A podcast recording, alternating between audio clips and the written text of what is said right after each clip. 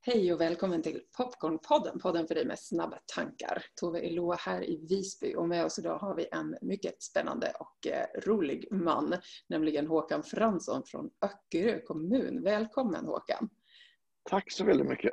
Jätteroligt att du vill vara med. Jätteroligt att få lov vara med. Ja, fantastiskt! Är det poddpremiär ja. för dig? Uh, nej, jag var med i den här Bonusmamman och Pluspappan för ett tag sedan. Ja, de är uh, jättebra. De är jättebra, precis. Väldigt... Uh, ja. Om man vill ha mer av mig så kan man lyssna på den. Ja, det är superbra. Vi börjar där direkt. Fantastiskt. Du Håkan, du jobbar ju som drog... Dessutom måste jag säga, på ja. popcorn, jag ska starta en podd. Är det sant? Drogförebyggarpodden kommer att starta här till jul med min kollega Kristin. Vi har 15 gäster redan klara så, att, så att det kommer bli jättespännande. För, alltså, för drogförebyggare som nya jobbet och eh, föräldrar som vill veta hur ska man bete sig så att inte barnen börjar knarka. Alltså, det är en, en fantastisk podd. Men tack vare dig som jag har fått eh, lust för detta. Så, ja, så du ska få lite cred så när vi sänder jag tror verkligen på det att vi kan hjälpas åt och inspirera. Även om man har varit på väg in i någonting så kan man ibland få en puff av yes. mötet med någon annan. Så tänker jag att yes. det ofta är. Mm. Ja. Men du, alltså vad kul. Här går vi all in på direkten. Du skrev det när jag ja, frågade det... så här, vill du vara med i podden? Du bara, popcorntankar? Ja. ja. ja men det, alltså, jag, jag, har inte tänkt på det men jag har ju en popcornhjärna så det är ju verkligen, detta är ju verkligen helt rätt forum för mig. Jag borde ju vara med varenda vecka. Så det, det, känns ju som att detta, det är det som är felet med mitt huvud, det är inte bara popcorn. Det går inte att stoppa. Det här är egentligen din podd, jag bara råkade stjäla idén. Ja, ja, precis. Jag fattar inte varför du kommer att lägga in i min podd. Men, men... och vet du, när jag kom på det här namnet, jag bara, hur kan det vara att ingen annan har tagit det här namnet? För det är perfekt. yes. Och så som du säger, det är gott också. Popcorn är gott. Popcorn är för jädra gott faktiskt. Och det är fantastiskt. Gud, det här blir ett roligt samtal, det känner jag redan. Du eh, Håkan, som drogförebyggare, jag tog kontakt med dig utifrån det du jag har sett för ganska många år sedan när jag gjorde socionompraktik ute på Öckerö faktiskt. Och då eh, så var ju du redan då igång med det drogförebyggande arbetet. Eh, och ja, jag glömde av. Har, har vi setts alltså? IRL? länge sedan. Väldigt kort. Jag hade ju eh, praktik som arbetskonsulent hos Jocke på Galleriet. Ja, mm. just det, med, med cyklarna och allt detta. Jajamän, ah. precis. Okay. Och då var nu ju, minns jag. Ja, men det är lugnt. Men då var ju du ett mm. sånt här fenomen på Öckerö. Liksom. Du, du drev ju liksom eh, alltså, med bra energi det arbetet. Och det förstår jag ju att det har fortsatt. Yes. Det, jag är nog mer energisk än någonsin egentligen. Men uh, samtidigt lite trött. Jag har fyllt 60 år, 61 till och med. Men, men ändå så tycker jag att jag är väldigt, väldigt driv, väldigt roligt. Uh, livet har aldrig varit så bra som nu. Så det är ju uh, häftigt. Det är fantastiskt det. Men, men fenomen komma... låter ju... Uh, det var jag ingen sagt förut. Förlåt, vad sa du nu? Du sa att jag var ett fenomen. Ja, alltså det är en bra sak. Lite, ja, jag skötte det jättebra. Det är ju fantastiskt. Det är ju för mitt CV. Håkan Fransson, fenomen. Det är ju bra. Ja, jag hoppas du tog det på rätt sätt. Alltså, ja, jag tror det, det, absolut. Jag tycker det var ju fantastiskt. Det är ingen som sagt förut, tror jag. Mm. Det är ju inte alla som, eh, som gör avtryck, men jag minns också eh, jag minns att det redan då var också ett framgångsrikt koncept. Eh, Öckerö-metoden eh, yes. som sån. Och jag tänker Håkan, om jag får lämna över till dig, vart känner du att det är viktigast att börja härifrån nu? Om man tänker sig att alla som lyssnar detta inte, kanske inte vet vad det är så kan man ju ta väldigt basic. Alltså att, eh, jag är drog... Om man tar, får jag presentera mig själv först lite grann kanske? Kör! Mm. Yes. Uh, jag är socionom. Jag har jobbat 20 år på fritidsgård och 10 år som lärare och de sista 18 åren som drogförebyggare då ansvarig för Öckerö kommuns drogförebyggande arbete. Och då kan man säga att ända sedan mellanölstiden så har man ju hållit på att försöka få ungdomar att inte röka och dricka och knarka. Så, eh, och på olika sätt och framförallt att prata med ungdomar att man liksom akta er för knarket, det är farligt och så. Eh, och det har ju varit hyfsat framgångsrikt men ändå inte har vi inte lyckats kan man säga. Utan när jag började då efter millennieskiftet så var det fortfarande väldigt hög alkoholkonsumtion. Och här ute på Öckerö drack ungdomarna mest alkohol i hela Sverige enligt de mätningar som finns då. Mm. Och det var ju både själva alkoholproblemet men också då trafikskador och eh, sexualbrott och våld och eh, ja, massa elände ihop med barns unga alkoholdrickare. Man började dricka väldigt tidigt, redan kanske i femman, sexan och så. Och det var, liksom, ja, det var, var mycket elände med det. Um, och då i alla fall så, så um, fick jag lite impulser ifrån en Urban Nyström i Boden att det är egentligen föräldrars attityder och toleranser som avgör om barn dricker eller inte. Och så tog han bilden med bilkörning. Varför är det så få 14-åringar som är ute i Göteborg och kör med mammas och pappas bil? Varför är det fler som dricker alkohol än vad som är ute och kör med morsans bil mm. när det är 18-årsgräns för bägge två? Mm. Jo, vuxenvärlden är enad om att innan du är 18 och körkort så ska du inte köra bil. Och alla, både mamma, och pappa, och mormor och hockeytränare och alla som finns i samhället agerar om man skulle se en 14-åring ute och köra bil. Mm. Men däremot, i alla fall på den tiden, om man ser en 14-åring med en ölburk så tycker man inte det är lika verkligt eller lika allvarligt utan man, man tittar bort och man säger det ska inte jag lägga mig i. Och då var ju våran tes att om det är så, om det stämmer den här idén att ungdomar kör inte bil innan 18 för att vuxenvärlden är överens. Kan vi skapa samma konsensus i vuxenvärlden vad gäller alkohol, då kommer det vara lika få ungdomar som dricker alkohol när de är 14 som det är som kör bil när de är 14. Det var liksom vår hypotes. liknelse ju. Yep. Verkligen. Ja. Mm. Och det var, det, det kan säga, det är fortfarande Öckerö-metodens eh, skäl, eller att, att vi, vi, försöker på olika sätt få vuxna, framförallt då föräldrar, men också föreningslivet och andra, att bli oerhört tydliga och både tycka så och agera så. Att, alltså inte, inte vänta på att barnen förstår att det är dumt att dricka, utan vi som vuxna omöjliggör så mycket vi kan så att de inte liksom vi bryr oss inte så mycket om det, är inte så demokratiskt egentligen så, eller enligt barnkonventionen att vi bryr oss om vad barn tycker här, utan du ska inte dricka, du ska skyddas från alkoholen, och narkotika och tobak för att vi vuxna förstår det bättre än du eh, just nu. Eh, sen tackar ju barnen såklart när de blir lite lite större. Så, va? Men det är själva idén. Sen kan man säga också att, att som jag tror alla som lyssnar på detta tänker att, att vadå, det är väl inte alkoholen som är problemet idag, det är väl cannabis och, och knark som är större grejer. Va? Det är en väldigt menar jag att, att, bild. Absolut, det är många som går ja. den bilden tänker jag. Mm. Ja, men det är ändå så kan man säga att, att, att även där så är det liksom, alltså att vi alltså ungdomar idag, om man säger gymnasieåldern, är väldigt liberala, drogliberala och många tycker att cannabis inte alls farligt och liksom bryr sig inte så. Men att det fortfarande ligger så lågt användning i Sverige och att det inte ens ökar nu när det är de här vindarna blåser, är ju för att vuxenvärlden fortfarande är överens. Vi har både en lagstiftning som gör det olagligt, men också att de flesta föräldrar i Sverige eh, vill inte att deras barn ska eh, knarka, då, inklusive cannabis. Eh, så, mm. så att, attityden är, är jätteviktig. Vuxenvärldens eh, och sen naturligtvis det som har blivit Öckelmetoden, då, det är ju mer praktiskt. Hur gör vi då? Hur får vi då föräldrar överens? För det är ju lätt att säga att föräldrar ska vara överens, men hur får man då alla mammor och pappor att tycka så här och agera så här? Och det är ju det som vi har utvecklat en metod med årliga drogundersökningar och regelbundna föräldramöten och ett nyhetsbrev vi skickar ut alla som, alla som vill ha det då, va? och liksom, där vi hela tiden liksom matar på med fakta ehm, man kan säga så här. Ehm, Alltså alla föräldrar älskar sina barn över allting. Och eh, om, barn, om föräldrar visste hur farligt det är, vilka risker barn utsätts för som dricker och röker och knarkar, så skulle de vara väldigt tydliga där. Och så vad vi gör är att vi skapar lite ångest hos föräldrarna. Detta är alltså görallvarligt. Mm. Och sen ger vi enkla redskap. Gör du så här och så här och så här, så är risken mycket, mycket mindre att ditt barn skulle börja med droger. Och sen så kopplar vi också ihop och gör sådana här sambandsbilder som man visar då att fortfarande är det så att det är bara de som röker och dricker som provar narkotika i stort sett. Alltså kan du få ditt barn att inte börja röka och vänta med alkohol tills de är vuxna eh, så är risken för narkotika jätte, jätte, jätteliten. Va? Mm. Men ofta så tänker föräldrarna att tobak och alkohol, det, det, har jag ju använt själv, så det är väl hela världen, bara de inte börjar knarka. Och jag menar att det är jättekorkat. Man måste liksom ska man stoppa knarket så måste man stoppa tobak och alkohol först. Mm. Och det, det var bra kort sammanfattning. Ja, alltså jag är imponerad. Jag har mött en like eller överman i popcorn-tempo. Alltså det är helt fantastiskt. Gud, och ändå så tydligt och liksom klar och tydlig riktning. Fantastiskt. Ja, jag, jag har sagt det på 318 miljoner föräldramöten så att det, det sitter ju med manuset. Det, det hörs och det är fantastiskt. Men det hörs också att du brinner för, för området kan man säga. Ja. Mm. ja.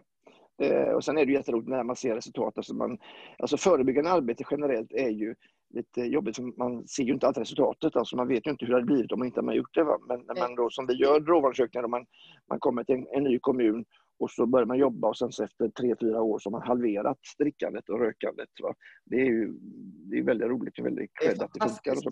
Mm, det är verkligen det. För det är ju så med mycket av förebyggande arbete att det faktiskt är ganska svårt att mäta hur hade det annars varit. Så. Yes. Men här har du då konkret fakta. Eh, yes. mm. Men du, spännande ingång också det här du sa om att skapa lite ångest och sen enkla verktyg för att mm. slippa vara där. Mm. Men jag tror att de flesta föräldrar, när jag har föräldramöten så brukar jag alltid trycka på tre, alltså tre skäl till att barn inte ska dricka alkohol. Mm.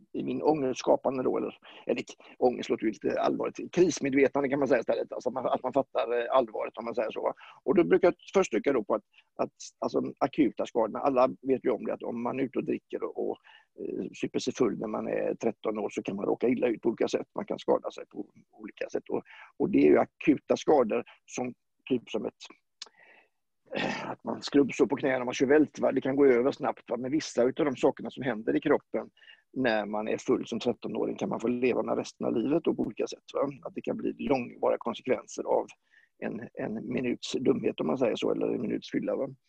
Det andra som jag trycker på då som är inte så känt av föräldrarna, det är ju kopplingen mellan tidig alkoholdebut och missbruk i vuxen ålder.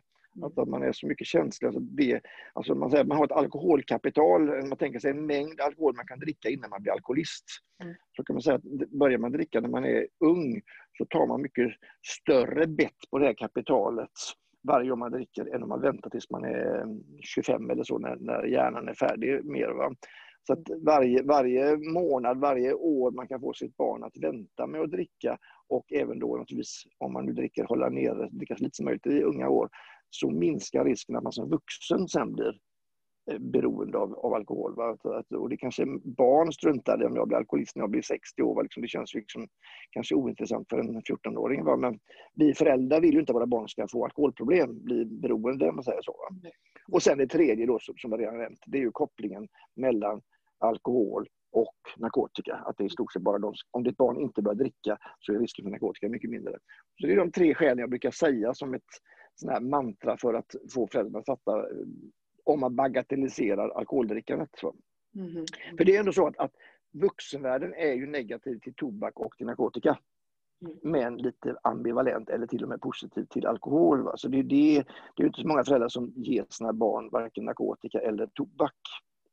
Det förekommer ju, men det, det är extremt olika. Men däremot har det varit en lång kampanj, du vet att, att bjud inte ditt barn på alkohol, köp inte ut och så. Det har ju Systembolaget och så jobbat med i många, många år. Va? För det har varit alltså att många föräldrar tror också att man kan vänja barn vid att dricka. Om, du, om de dricker lite vin med oss på söndagsmiddagen och får dricka ett vuxet sätt så smakar gott det och så, då super de inte bland kompisar. Men det är ju helt en, ja, det är trams. För det, liksom, eh, det är ju helt olika saker. Barn vill ha fylla bara. De vill inte bry sig om bouquet och grejer utan det är ju bara bli packad som är grejen. Alltså förlåt men jag måste skratta. Ja, men, alltså, ja. men jag tänker verkligen så att alkoholnormen är ju ändå väldigt stark i Sverige kan jag tycka. Ja, enormt stark. Även om jag nu i mitt liv umgås väldigt mycket i så att säga nyktra kretsar, folk som tränar och har valt bort alkohol av hälsoskäl mer, mer än av så ideologiska skäl. Eller så. Men, yes. men det är ju ändå en ganska stor fråga för många. Sådär, ja, men mm. varför dricker du inte? Eller mm. dricker du alltså det här, Man märker för mig som oftast faktiskt inte dricker alls så, så, så är det ju det mm. inte givet. Det är inte norm att inte göra det. Nej. Nej. Eh, det intressanta är tycker jag att man pratar om grupptryck som orsak till att barn dricker, ungdomar dricker.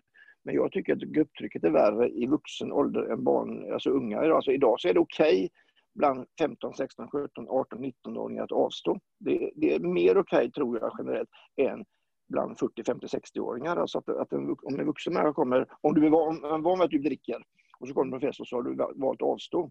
Mm. Då frågar de om, om, man, om du är gravid eller om du kör bil eller om du, liksom, om du har ett eh, sjuk eller på något sätt. Liksom, att det, mm. det är inte okej okay, om man säger så. Så att vi vuxna är ju, tycker jag, värre med detta. En spännande sak med alkoholnormen är ju nu i coronatider. Mm. om man tänker sig detta med, med, som vi vet, alltså att när man blir lite full på krogen så kanske man inte håller avstånd och inte tvättar sig och inte sköter det på rätt sätt. Va? Men att, att begränsa det, att säga att vi, ni får inte servera alkohol efter klockan nio på kvällarna på alla krogar i, i, i Sverige. Det hade varit jätteenkelt.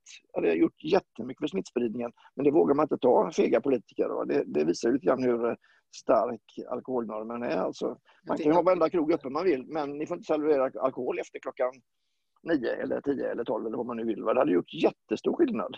Men, Finns det länder som har gjort det? Vet du det? Finns det länder som har Ja, ja, ja, ja. Det är många länder. Danmark gjorde det för ett tag sedan, eh, efter, England också tror jag, efter viss tid. Så, va? Men inte helt och hållet. Men de hette det, mm, det, det hade varit jätteenkelt. Liksom. Eh, men, men, men det vågar man inte och det hade gjort, sparat många liv i Sverige. Så det är inte, det kan man bli lite trött på. Mm, absolut, absolut. Alkoholen dödar på många sätt. Japp, det är ju det den gör. Det är ju det den gör, verkligen. Men du, eh, innan vi går in på, liksom, för jag är jättenyfiken på vad som drev dig in i de här frågorna, men också för de som lyssnar så tänker jag så här, eh, jaha, hur enkelt är det då? Vad gör jag då? Om jag sitter nu och lyssnar på det här med en smula ångest, så bara, jädrar, jag vill inte att det här ska ske mitt barn. Liksom. Jag kanske mm. själv har en erfarenhet också, för väldigt många har ju någon form av anhörig erfarenhet och sådär. Eh, är, det, ja, men är det enkla svaret så här, bara, ge fan i att ge barnen alkohol. Punkt. Eller vad händer? Alltså, vad kan man tänka? Alltså, ge, alltså föräldrar som idag bjuder sina barn på alkohol tror jag är väldigt få. Mm. Det har minskat jättemycket. Alltså jag tror att de flesta har lärt sig den grejen. Va? Utan de flesta ungdomar idag som är under 18 som dricker eh, vet ju om att föräldrarna inte gillar det, men man blåser föräldrarna. Alltså, föräldrarna, alltså det handlar mer om att föräldrarna har för dålig koll och för dålig kontroll än att de eh, säger ja, du får lov att dricka. Mm. Det, det mesta är alltså att, eh, i alla fall de kommuner vi jobbar de drogförsöken vi gör, så är det ju kanske 90 procent av föräldrarna, eller barnen säger jag får inte dricka för mina föräldrar. Mm. Men det kanske är 30 procent som dricker. Alltså de flesta av dem har ju föräldrar, vet om att mamma och pappa tillåter inte detta. Mm. Men man liksom säger jag ska gå och se på en film hemma hos Pelle ikväll och så går man ut och super istället. Så alltså det är mer att föräldrarna är aningslösa eller då naturligtvis att man har egna bekymmer. Som det, det, jag tror att det är en ganska liten del egentligen, men det finns ju också föräldrar som, liksom inte, som inte orkar, som inte liksom, eh, som har andra bekymmer så att man, liksom, man, mm. man, man vill verkligen barnen ska dricka. Men jag brukar säga att det inte det är, liksom, det är inte kärleksbrist som gör att vi låter våra barn dricka, utan det är kunskapsbrist. Mm. Alltså, det, alltså, när jag ger mitt barn alkohol, säger som man gjorde förr, så är det inte för att jag vet att de ska bli alkoholist. Mm. Utan det är för att, äh, att jag tror att det är bra. Mm. Ja, och ja. Jag tror 100 procent på det också, att alla vi föräldrar i grunden vill våra barn väl. Jag är helt övertygad yes. om det. Verkligen. Jag har också jobbat med familjehemsvård eh, som socionom och eh, placerade barn alltså eh, i familjehem. Och jag tänker där också, även om det är frivillig liksom, placering eller under tvångslagstiftning, så föräldrar vill sina barn väl. Sen har vi olika förutsättningar. Det är helt riktigt. Alltså det, sen du sa detta med tips, vad kan man säga till, till föräldrar generellt om någon lyssnar på detta? Va? Då tänker jag att, att dels är det ju tänker jag att, att det, alla barn är olika, alla föräldrar är olika, så det är svårt att ge generella tips. Men, men man tänker, det handlar ju om att man börjar tidigt. Alltså för att just, när barnen väl har fått en vana av att dricka eller röka, det så är det inte så lätt att bryta det. Var det ju bättre att, att aldrig... Att, alltså, alltså, enklaste problem att lösa är de, att se till att de inte uppstår, om man säger så. Så det handlar om att ligga, ligga, ligga ett för, steg före och då tänker jag att man är, man är tydlig och man markerar. Sen tänker jag att det går ju också med sociala medier då, att ha kontroll. Alltså, alltså, du kan ju facetima med ditt barn varje kvart om det är så. Mm. Sen tycker jag att man, man ska ta steg ut hakan lite grann, för det jag säger mycket är ju sånt som alla drogförebyggare säger. Men då pratar man om detta fortfarande, att Eh, Eh, kolla vart barn ska hem, eh, kom och hämta dem, var vakna när de kommer hem. Alltså vi ändå på något sätt legaliserar eller möjliggör att de är ute alltså på en riskkväll. Alltså på valbar så låter jag min åttondeklassare gå ut på Stockholms gata eller Göteborg, eller var man nu bor någonstans. Va? Det är inte alls nödvändigt. Vet jag att det här är ett sammanhang, här är en helg, här kommer bli mycket alkohol, då tycker jag utegångsförbud är ett bättre förslag. Mm. Eh, det innebär inte att jag låser in dem, men att jag säger ni får vara hemma hos oss, ta hem vilka kompisar du vill, eh, jag kan baka pizza och eh, mm, ni kan se på film och göra vad ni vill, men jag vill inte att du är ute och snurrar utan, i, i det här miljön som inte är bra för dig. Risken är att du råkar illa ut, som att, att man som förälder ska säga att, att ja, ni får vara här, eller hemma hos Pelle. Jag vet att Pelles föräldrar är hemma och de är schyssta och så. Att man, sen finns det massa tips som vi, som vi ger hela tiden då med, med att hålla koll på sin egen alkohol. Alltså det vanliga sättet att debutera är ju på mammas och pappas alkohol. Mm. Det är ju inte langare på eh, parkeringsplatsen. Utan Nej. det är att man tar, man tar en vinare, en öl eller en, någonting. Och idag har ju föräldrar så mycket alkohol hemma jämfört med när jag var tonåring då när det fanns ja, nästan ingenting. Så det var ju väldigt eh, säger, alkoholsnålt. Men, men, idag så finns det ju, alla har ju hela källaren full med vin och garaget fullt på tysköl och så. Så, det, så det, det, finns ju... Och jag tänker att det här det, det, är varmt tycker jag, det du eh, ger som exempel nu. Att så här, utegångsförbud kan ju låta hårt, men jag tänker det du berättar är ju så att som förälder eh, skapa en, ett alternativ som är skönt. Här, det låter ju sjukt trevligt att få hänga hemma i en så här, pizzahäng eller film eller något gott godis, inte vet jag. Att mm. få liksom umgås hemma och få eh, ha en plats för det. Jag tar en annan sån spännande grej. Alltså, I vår drogundersökning så har vi en fråga som är så här. Um, har du någon att prata med om det som, eller vem pratar du med om det som är viktigt? Mm. Hur, hur, stor procent tror du av, av svenska högstadieelever säger att jag pratar med mamma och pappa om det som är viktigt? Oj, procentsats. 80 procent. Hur mycket? 80. 80 procent? 80 procent. När jag frågar det på föräldramöte så säger de 10, 20, 30 procent kanske. De pratar bara med kompisar, de bryr sig inte om mig. Så, va? Mm. Fyra av fem högstadieelever i alla Sveriges kommuner när vi gör detta eh, svarar jag pratar med mamma och pappa om det som är viktigt. Det är fantastiskt. Eh, yes. om, man, om vi tänker att, att man gör en sån enkel eh, korstabulering. Vi sätter de, de 80 procent som pratar med sina föräldrar i en hög mm. och de 20 procenten som inte svarar pratar med sina föräldrar av någon anledning. Mm. Så de som inte pratar med sina föräldrar, de dricker dubbelt så mycket, röker dubbelt så mycket, knarkar fem gånger så mycket, eh, trivs mycket sämre i skolan, mobbar dubbelt så mycket, mobbas dubbelt så mycket, skolkar fyra gånger så mycket och mår mycket, mycket sämre. Det brukar jag visa för att markera att, att gör allt du kan för att bibehålla din goda relation, hålla dialogen och liv med ditt barn. Alltså, eh, många föräldrar liksom abdikerar frivilligt. Inte bara att barnen säger du är dum i huvudet, jag skiter i dig. Utan föräldrarna tänker att ja, jag är ju gammal och tråkig. Det är klart att de vill umgås med kompisar istället för jag är ju så tråkig. Och så eh, eh liksom, tappar man självförtroendet och liksom, eh, förstår inte hur viktig man är. Alltså, att, att, alltså föräldern är ju mycket viktigare för barnet än kompisarna. Ja. Och... Barnen tror kanske att kompisarna är viktigare, men, men du som förälder är mycket, mycket viktigare. Ja, men jag tänker att som barn och ungdom så kan man väl, de flesta, eller jag i alla fall, jag, jag gissar att många lyssnare kan relatera till det, och det är en sund process som barn, tonåring, ung vuxen, att vilja separera sig från sina föräldrar. Det betyder alltså. ju inte att föräldrarna inte är viktiga, och det måste vi som vuxna förstå, att det är två helt skilda saker. Mm, mm, Om mitt mm. barn säger till mig så här, du är kass, ja det får du mm. tycka, jag är fortfarande din förälder, du är toppen, då måste vi göra något. Alltså jag tänker att det är liksom två olika saker. Jag får ju öva på det här med min åttaåring i en viss självständighetsfas. Det är en ganska spännande process. Så jag tänker så här, hur blir det här som tonåring? Det blir kul. Men liksom att någonstans, jag måste ju skilja på det. Jag måste ju som vuxen förstå att han kommer testa det. Står du kvar? Liksom.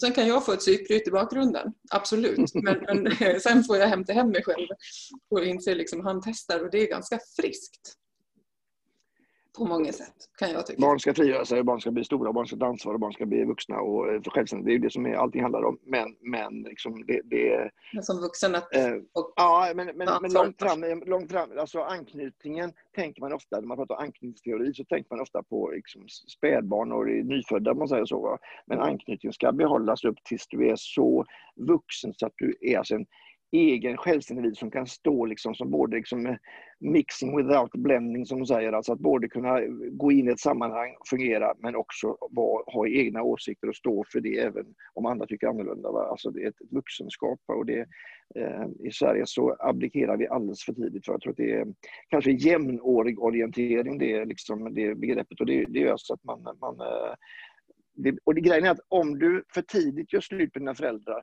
så är det inte att du blir fri, utan du blir istället du får en ny herre. Istället för mamma och pappa så får du kompisar som blir dina eh, guider och vägledare. Och, och, så. och det är inte bra. De är, de är alldeles för omogna och eh, ja, det är inte, du som förälder har en helt annan... Dessutom, den stora skillnaden mellan föräldrar och kompisar, det är att du älskar ditt barn villkorslöst. Mm.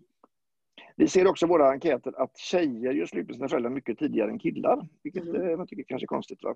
Och då kan man säga att tjejer i stort sett kanske två, tre år enligt våra mätningar gör slut med sina föräldrar. Alltså man, man lämnar den villkorslösa kärleken hos mamma och pappa och utlämnas till den villkorade kärleken hos kompisar. För all kompiskärlek är villkorad. Du måste vara cool, häftig, rolig och ball och sexig för att få, få kompisar. Är du tråkig och töntig och luktar äckligt så får du inga polare. Du måste alltid prestera i kompisgänget. Va? Eh, hos mamma och pappa i bästa fall så är du älskad även om du är ja, här har man alltså sett att eh, tjejer, flickor gör det här tidigare än, än killar? Alltså. Ja, och det är rätt naturligt för tjejer puberterar liksom och är mogna tidigare så det är inte konstigt att man, men man vänder sig Alltså man vänder sig ut mot kanske influencers och kompisar och andra och, och släpper liksom föräldragreppet eh, några år tidigare än, än, äh, än äh, killar. Och, och, det är på ett sätt naturligt men samtidigt är det inte bra. Det, jag tror att det, om man tittar med tjejers ökande psykiska ohälsa så tror jag det är det viktigaste skälet. Jag tror inte det är sexualisering eller skolstress eller betyghet som är det viktigaste. Jag tror att, att, att man gör slut med sina föräldrar för tidigt som är den viktigaste orsaken till att tjejer mår sämre än killar i Sverige. Då. Mm. Jättespännande. Det här är yep. spännande, absolut. Men du, ehm, jag är också nyfiken på vad det var som drev dig in i de här frågorna. Kan vi gå dit? Kan vi gå dit? Precis, vad roligt. Um, Ja, alltså egentligen är det inte så väldigt eh, spännande för, för att eh, Dag Hammarskjöld, mm.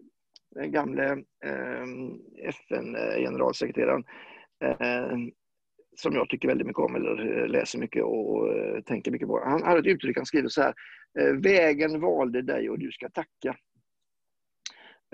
alltså, ehm, jag är kristen, jag tänker att Eh, Gud har en plan med mitt liv. Jag, jag, är född för att jag ska göra någonting. Och jag tror just nu att, att det viktigaste i mitt liv, att varför jag i stort sett är född, det är för att jag ska utrota ungdomsfylleriet i Sverige. Mm.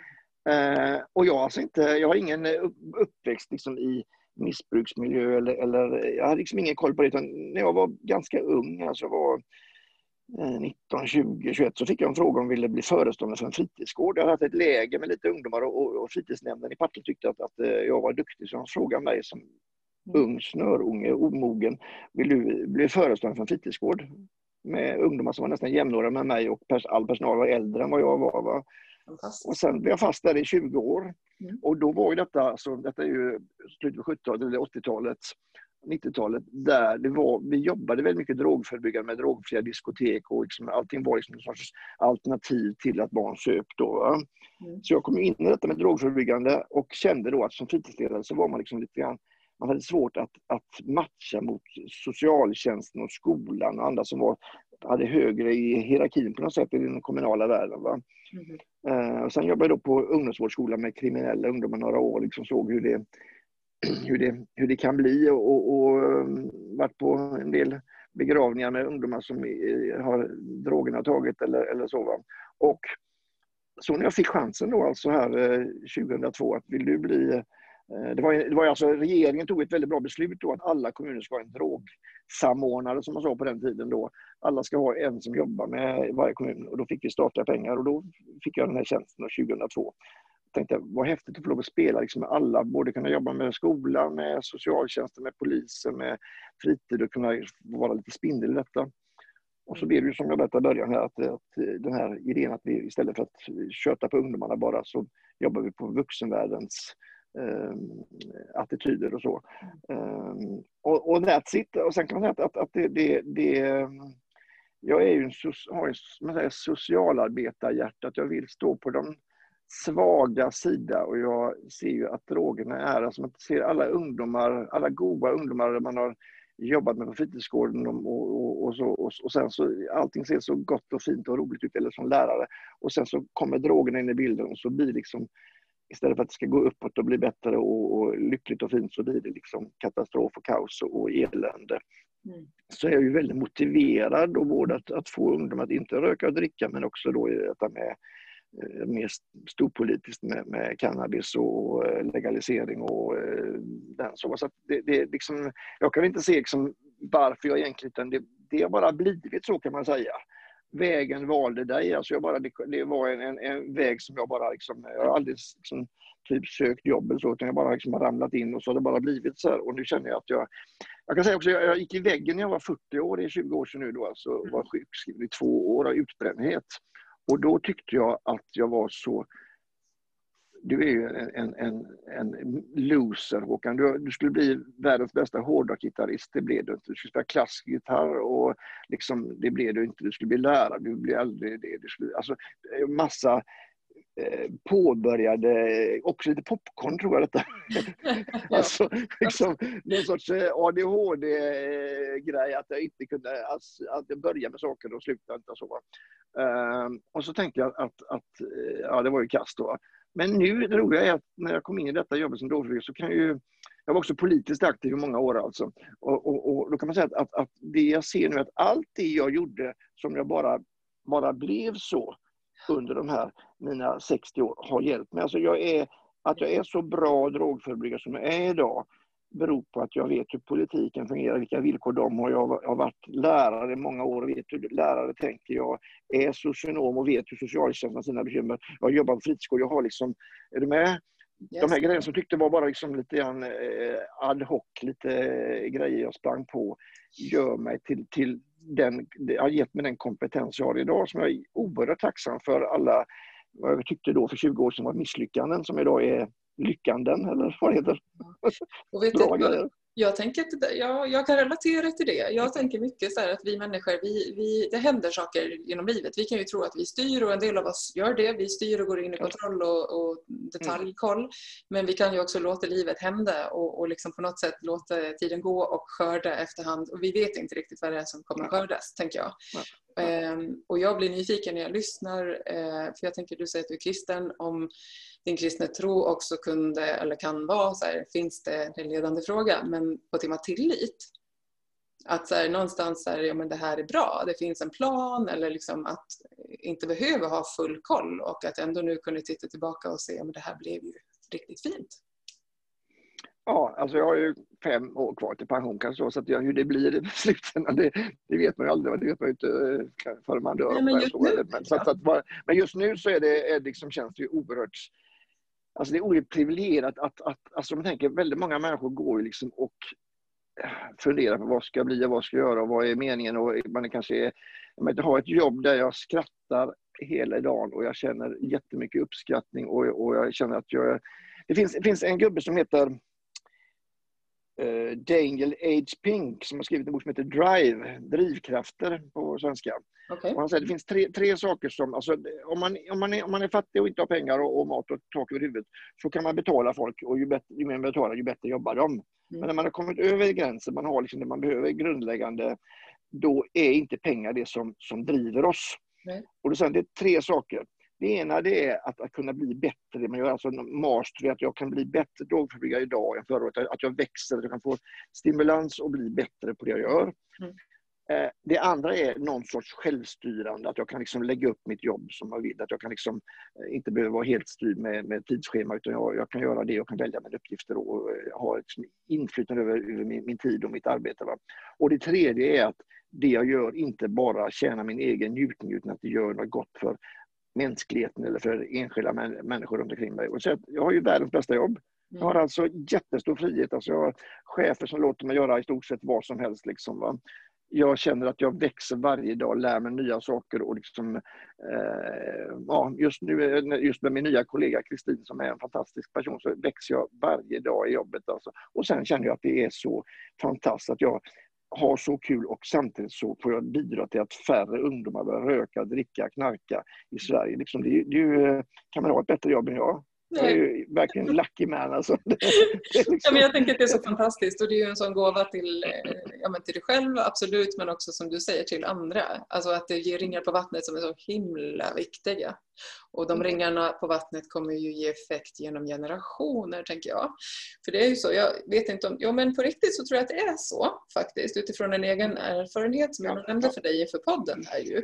Yes, yes. Ehm, att det är ju så att jag har ju själv har en erfarenhet i mitt nätverk. Jag har haft tre brorsor, jag har fortfarande tre brorsor, men jag har två av dem kvar i livet och en av dem mm. gick ju faktiskt bort på grund mm. av en ehm, ja, men en drogproblematik hos en man som eh, knivdödade min bror eh, mm. i kortversion. Det här kan ju bli ett eget poddavsnitt. Men den mannen då mm. som eh, dödade min bror hade ju faktiskt fått börja dricka alkohol hemma med sina föräldrar när han var, mm. tror jag, sex år gammal. Så jag tänker att de här sakerna du gör, eh, alltså det finns så många nivåer. Det är ju extremfallet, det fattar jag också. Det där är inte mm, mm, mainstream, mm. men det händer ju mer än man tror. Och det är ju det extrema fallet. Men för mig då som har upplevt det så kan jag tänka att, att min brorsa dog för så typ 25 år sedan är ju fortfarande ett liksom generationstrauma faktiskt också. Min son vet om detta. Han förhåller sig till det och så vidare och så vidare. Även om vi pratar om det på ett ganska sunt sätt. Så där. Så jag tänker att det du gör nu är ju också att ta bort ganska mycket av den ja, i alla fall att ge lite förutsättningar till att bryta den typen av eh, worst case scenarios. Liksom. För den mannens, ja. ja. det är ett samhällsmisslyckande kan jag tänka. Ja, och sen om man, om man tänker rakt till socialt arbete så med Skågestavs tankar om det sociala arvet. Mm. Det har jag sett själv, liksom, att, att det är familjer där det är missbruk och det är våld och grejer och sen så föds det barn och man tänker nu borde de ju bli avskräckta och sen går de in i samma sak och tjejerna skaffar nya gubbar som slår dem och mm. missbruk. Alltså det, det går, fortsätter generationer, man säger att, att bryta det sociala arvet är så svårt. Så jag menar att, att kan det här kan det, det som jag gör bidra ändå till att man minskar, att det, man kommer lite, alltså den här spiralen som går neråt lite grann stoppar eller går till och med uppåt vore ju fantastiskt. Alltså, så det, det, det, men det vet man ju inte. Men, men, men eh, jag tror att det är, eh, om, om det jag gör bidrar till att drickandet eh, minskar eh, och röka minskar och narkotika minskar så klart att det är positivt för samhället och för enskilda människor. Så var det ju det som ändå driver mig. Mm.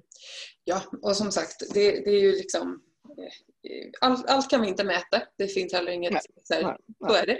Men, eh, men jag tror också... Och det är också det, tänker jag, du, du nämnde min kristna tro, att för mig är det alltså det står i Bibeln liksom att, att det, som är, det som gäller för en tjänare, det är att vara trogen. Mm. Alltså, eh, jag gör det jag tror på och jag gör det 100 procent. Eh, effekten hoppas jag blir bra, men, men oavsett det så gör jag det jag tror är rätt, som man säger så. Va? Är du med? Så att jag, jag, är inte så nöjd med detta, man kan vara kanske hispig för att det, att det får effekt. Va? Men om jag, om jag har fått en uppgift och jag gör det så samvetsgrant och noggrant och, och eh, på bästa sätt i alla delar så tänker jag att jag får vara nöjd med det. Va? Sen så hoppas jag att det blir bra resultat och gör det inte det så har jag ändå gjort min del. Liksom det, jag blir inte så eh, nöjd för det. Nej, det låter väldigt fint tycker jag. Jag tror det är många av oss som eh, jag försöker nog hålla det som ledstjärna också faktiskt. Att, eh, jag tror jag nämnt det någon gång i podden här, liksom att, att skapa utifrån någon form av eh, en känsla för vad som är rent i mig. Liksom. Men, och sen får jag släppa taget om det, för jag vet inte hur det landar i dig. Det är inte mitt ansvar faktiskt heller, utan jag behöver hålla mig till att göra det jag eh, är här för att göra. Så. Mm. Eh, hur det landar, ja det, det, får jag släppa. Det är inte min sak att styra faktiskt. Eh, och det tycker jag är så spännande att få ha den här typen av samtal också i podden för jag tror att det gör någonting. Att det i sin tur ger ringar på vattnet till den som lyssnar och får jättegärna höra av er, ni som lyssnar och säga hur ni relaterar till det här såklart. Mm. Spännande. Du, eh, Håkan, är vi på rätt spår eller? Vad är det vi, eh, finns det någonting som du vill skicka med mer innan vi om en liten stund går mot avslut? Liksom? Har ingen klocka så jag vet inte alls hur långt vi var vi är någonstans. Ja, men, vi har hängt en stund så att det börjar snart mm. bli dags faktiskt. Yes. Men, mm. men, du, ja, men jag, jag, vet inte. Ja. När kommer podden då? Vad sa du? Jul? Alltså det är så att vi gör ju nu, vi har ju fått uppdrag, vi, vi gör drogundersökning i 20 kommuner, min kollega och jag, och vi sitter på dygnet runt och jobbar från morgon till kväll liksom, och bara matar och grejer. Och dessutom så, i och med att andra år har vi varit i föräldramöten, men i år, så i och med att det inte blir någon föräldramöte, så blir det film. Så vi gör ju en film till varje skola eller varje årskurs. Eh, så vi, vi ju, det är Hollywood nu vet du, vi filmar hela tiden. Så, med, ungefär, med ungefär det jag sa här då. Va? Så att det är när det, när det lägger sig, när, det, när, när det, vi är klara med det här, det här stora choket, höstchoket. Alltså, för det, alltså, att vi gör så Alltså vi har en eh, arbetsbörda som är liksom, vi gör ju 90 procent av allt vi gör, gör vi i september om man säger så. För att då, då är ju alla vill ha föräldramöte i september månad. Mm. Och ska man då ha färska siffror, för det är lite grann det som är idén i vår metod, att, att, när man kommer till föräldramötet så, så är det inte gamla siffror från en annan kommun, utan det är att eh, så här ser det ut på den här skolan, den här kommunen. Här är det 28 procent av tjejerna som, i åttan som dricker och här är det 42 procent av killarna i nian som har varit fulla. Alltså att man, man, liksom, man liksom kastar i ansiktet på föräldrarna hur det är just i det här samhället. Inte för tio år sedan i Stockholm. Utan det blir relevant det, att lyssna på. Ja, liksom. ja. Och, då, och då, därför så blir det en sån eh, grej. Så vi har jättemycket som ligger i, line, som säger, det ska vi göra, det ska vi göra sen. Så, men det, det, blir liksom, tänker jag, när detta är över, kanske någon gång i november, december eller januari, jag vet inte när vi är färdiga. Mycket, men men då, då tänker vi ta tag i detta med sätt liksom, och intervjua spännande människor om detta med föräldraskap och eh, drogförebyggande arbete och, och sånt. Så det, det, eh, sen är det ju massa, som du fattar, jag har ju massa idéer som aldrig blir verkställt, men detta hoppas jag att vi kommer att genomföra. Ja. Och så kan vi kontakta dig lite konkret hur man gör också. Eh, ja, du kan ju tekniken nu. Hur man, Absolut, vi kan det. Nej, men det är spännande att höra av er så delar jag gärna eh, liksom till eh, lyssnarna här när det är på gång också. En, en sak jag kan säga som det var i början detta med, med alltså om man vill veta mer av det här, hur vi jobbar i den drogförebyggande biten så kan man bara googla på Öckerö-metoden. Yes. Och där finns ju, finns ju min mail och telefonnummer så som man gärna hör av sig. Och det här nyhetsbrevet som vi skickar ut till alla föräldrar som på föräldramötet, det kan man ju också prenumerera om man vill. Så det är bara att man skickar en, en mail rad så får man vårt nyhetsbrev då regelbundet eller oregelbundet med, med tips och ny forskning och sånt som, som gäller. De kommer du också hitta länkar till i blogginlägget som blir kopplat till den här podden kan jag säga. Så det lägger vi där mm. Eh, så att det blir en samling eh, bra material som man kan få ta del av sen när vi sänder mm. detta. Mm. Du Håkan, eh, jättekul att prata med dig på riktigt. Jag eh, kan tänka att vi skulle på ett sätt kunna ha fortsatt jättemycket mer, tror jag. Men ibland är det också så att man ska sluta på topp. Tycker du det? ja, jag tror det. Jag har hört någon säga så. Min morfar brukade säga så.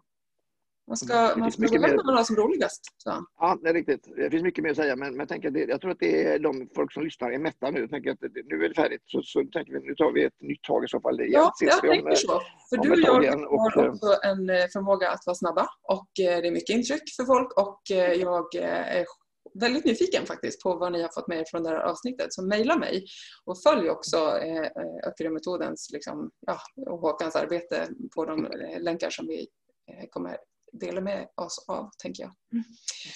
Du Håkan, eh, mm. varmt tack! Tusen tack! Jag är jätteglad att jag fick vara med. Det är jättekul att prata med dig. Ja, det, jag tycker du är en härlig människa. Har någon sagt till dig idag att, att, du, är, att du är härlig? Idag? Ja. Just idag har jag nog inte fått höra det. Nej, inte ännu. Nej. Jag, jag ser ju dig i bild nu, det gör ju inte de på podden. Nej. Har någon sagt att du är vacker idag? Jag har inte träffat så många idag, men tack. Jag tar till mig av detta. Ja, gör det. Du är, du är smart och är snygg och uh, jättekul att prata med dig. Tack så mycket. Det där ska jag också sätta i mitt CV. Ja. Du kan sätta ett fenomen. vad var du sa mig förut? Var ett fenomen. Fenomen, ja det är. Ja, det här var bra. Vilken trevlig start på en fredag. Va? Ja. Mm. ja, men fantastiskt Håkan. Jätteroligt yes. att prata med dig. Tack. Eh, verkligen. Ha det jättegott. Detsamma. alla, alla, alla lyssnare. Ja, tack till er som har varit med idag och hör av er med frågor, tankar, reflektioner och ha en fortsatt fin fredag. Hej! Hej, hej, hej.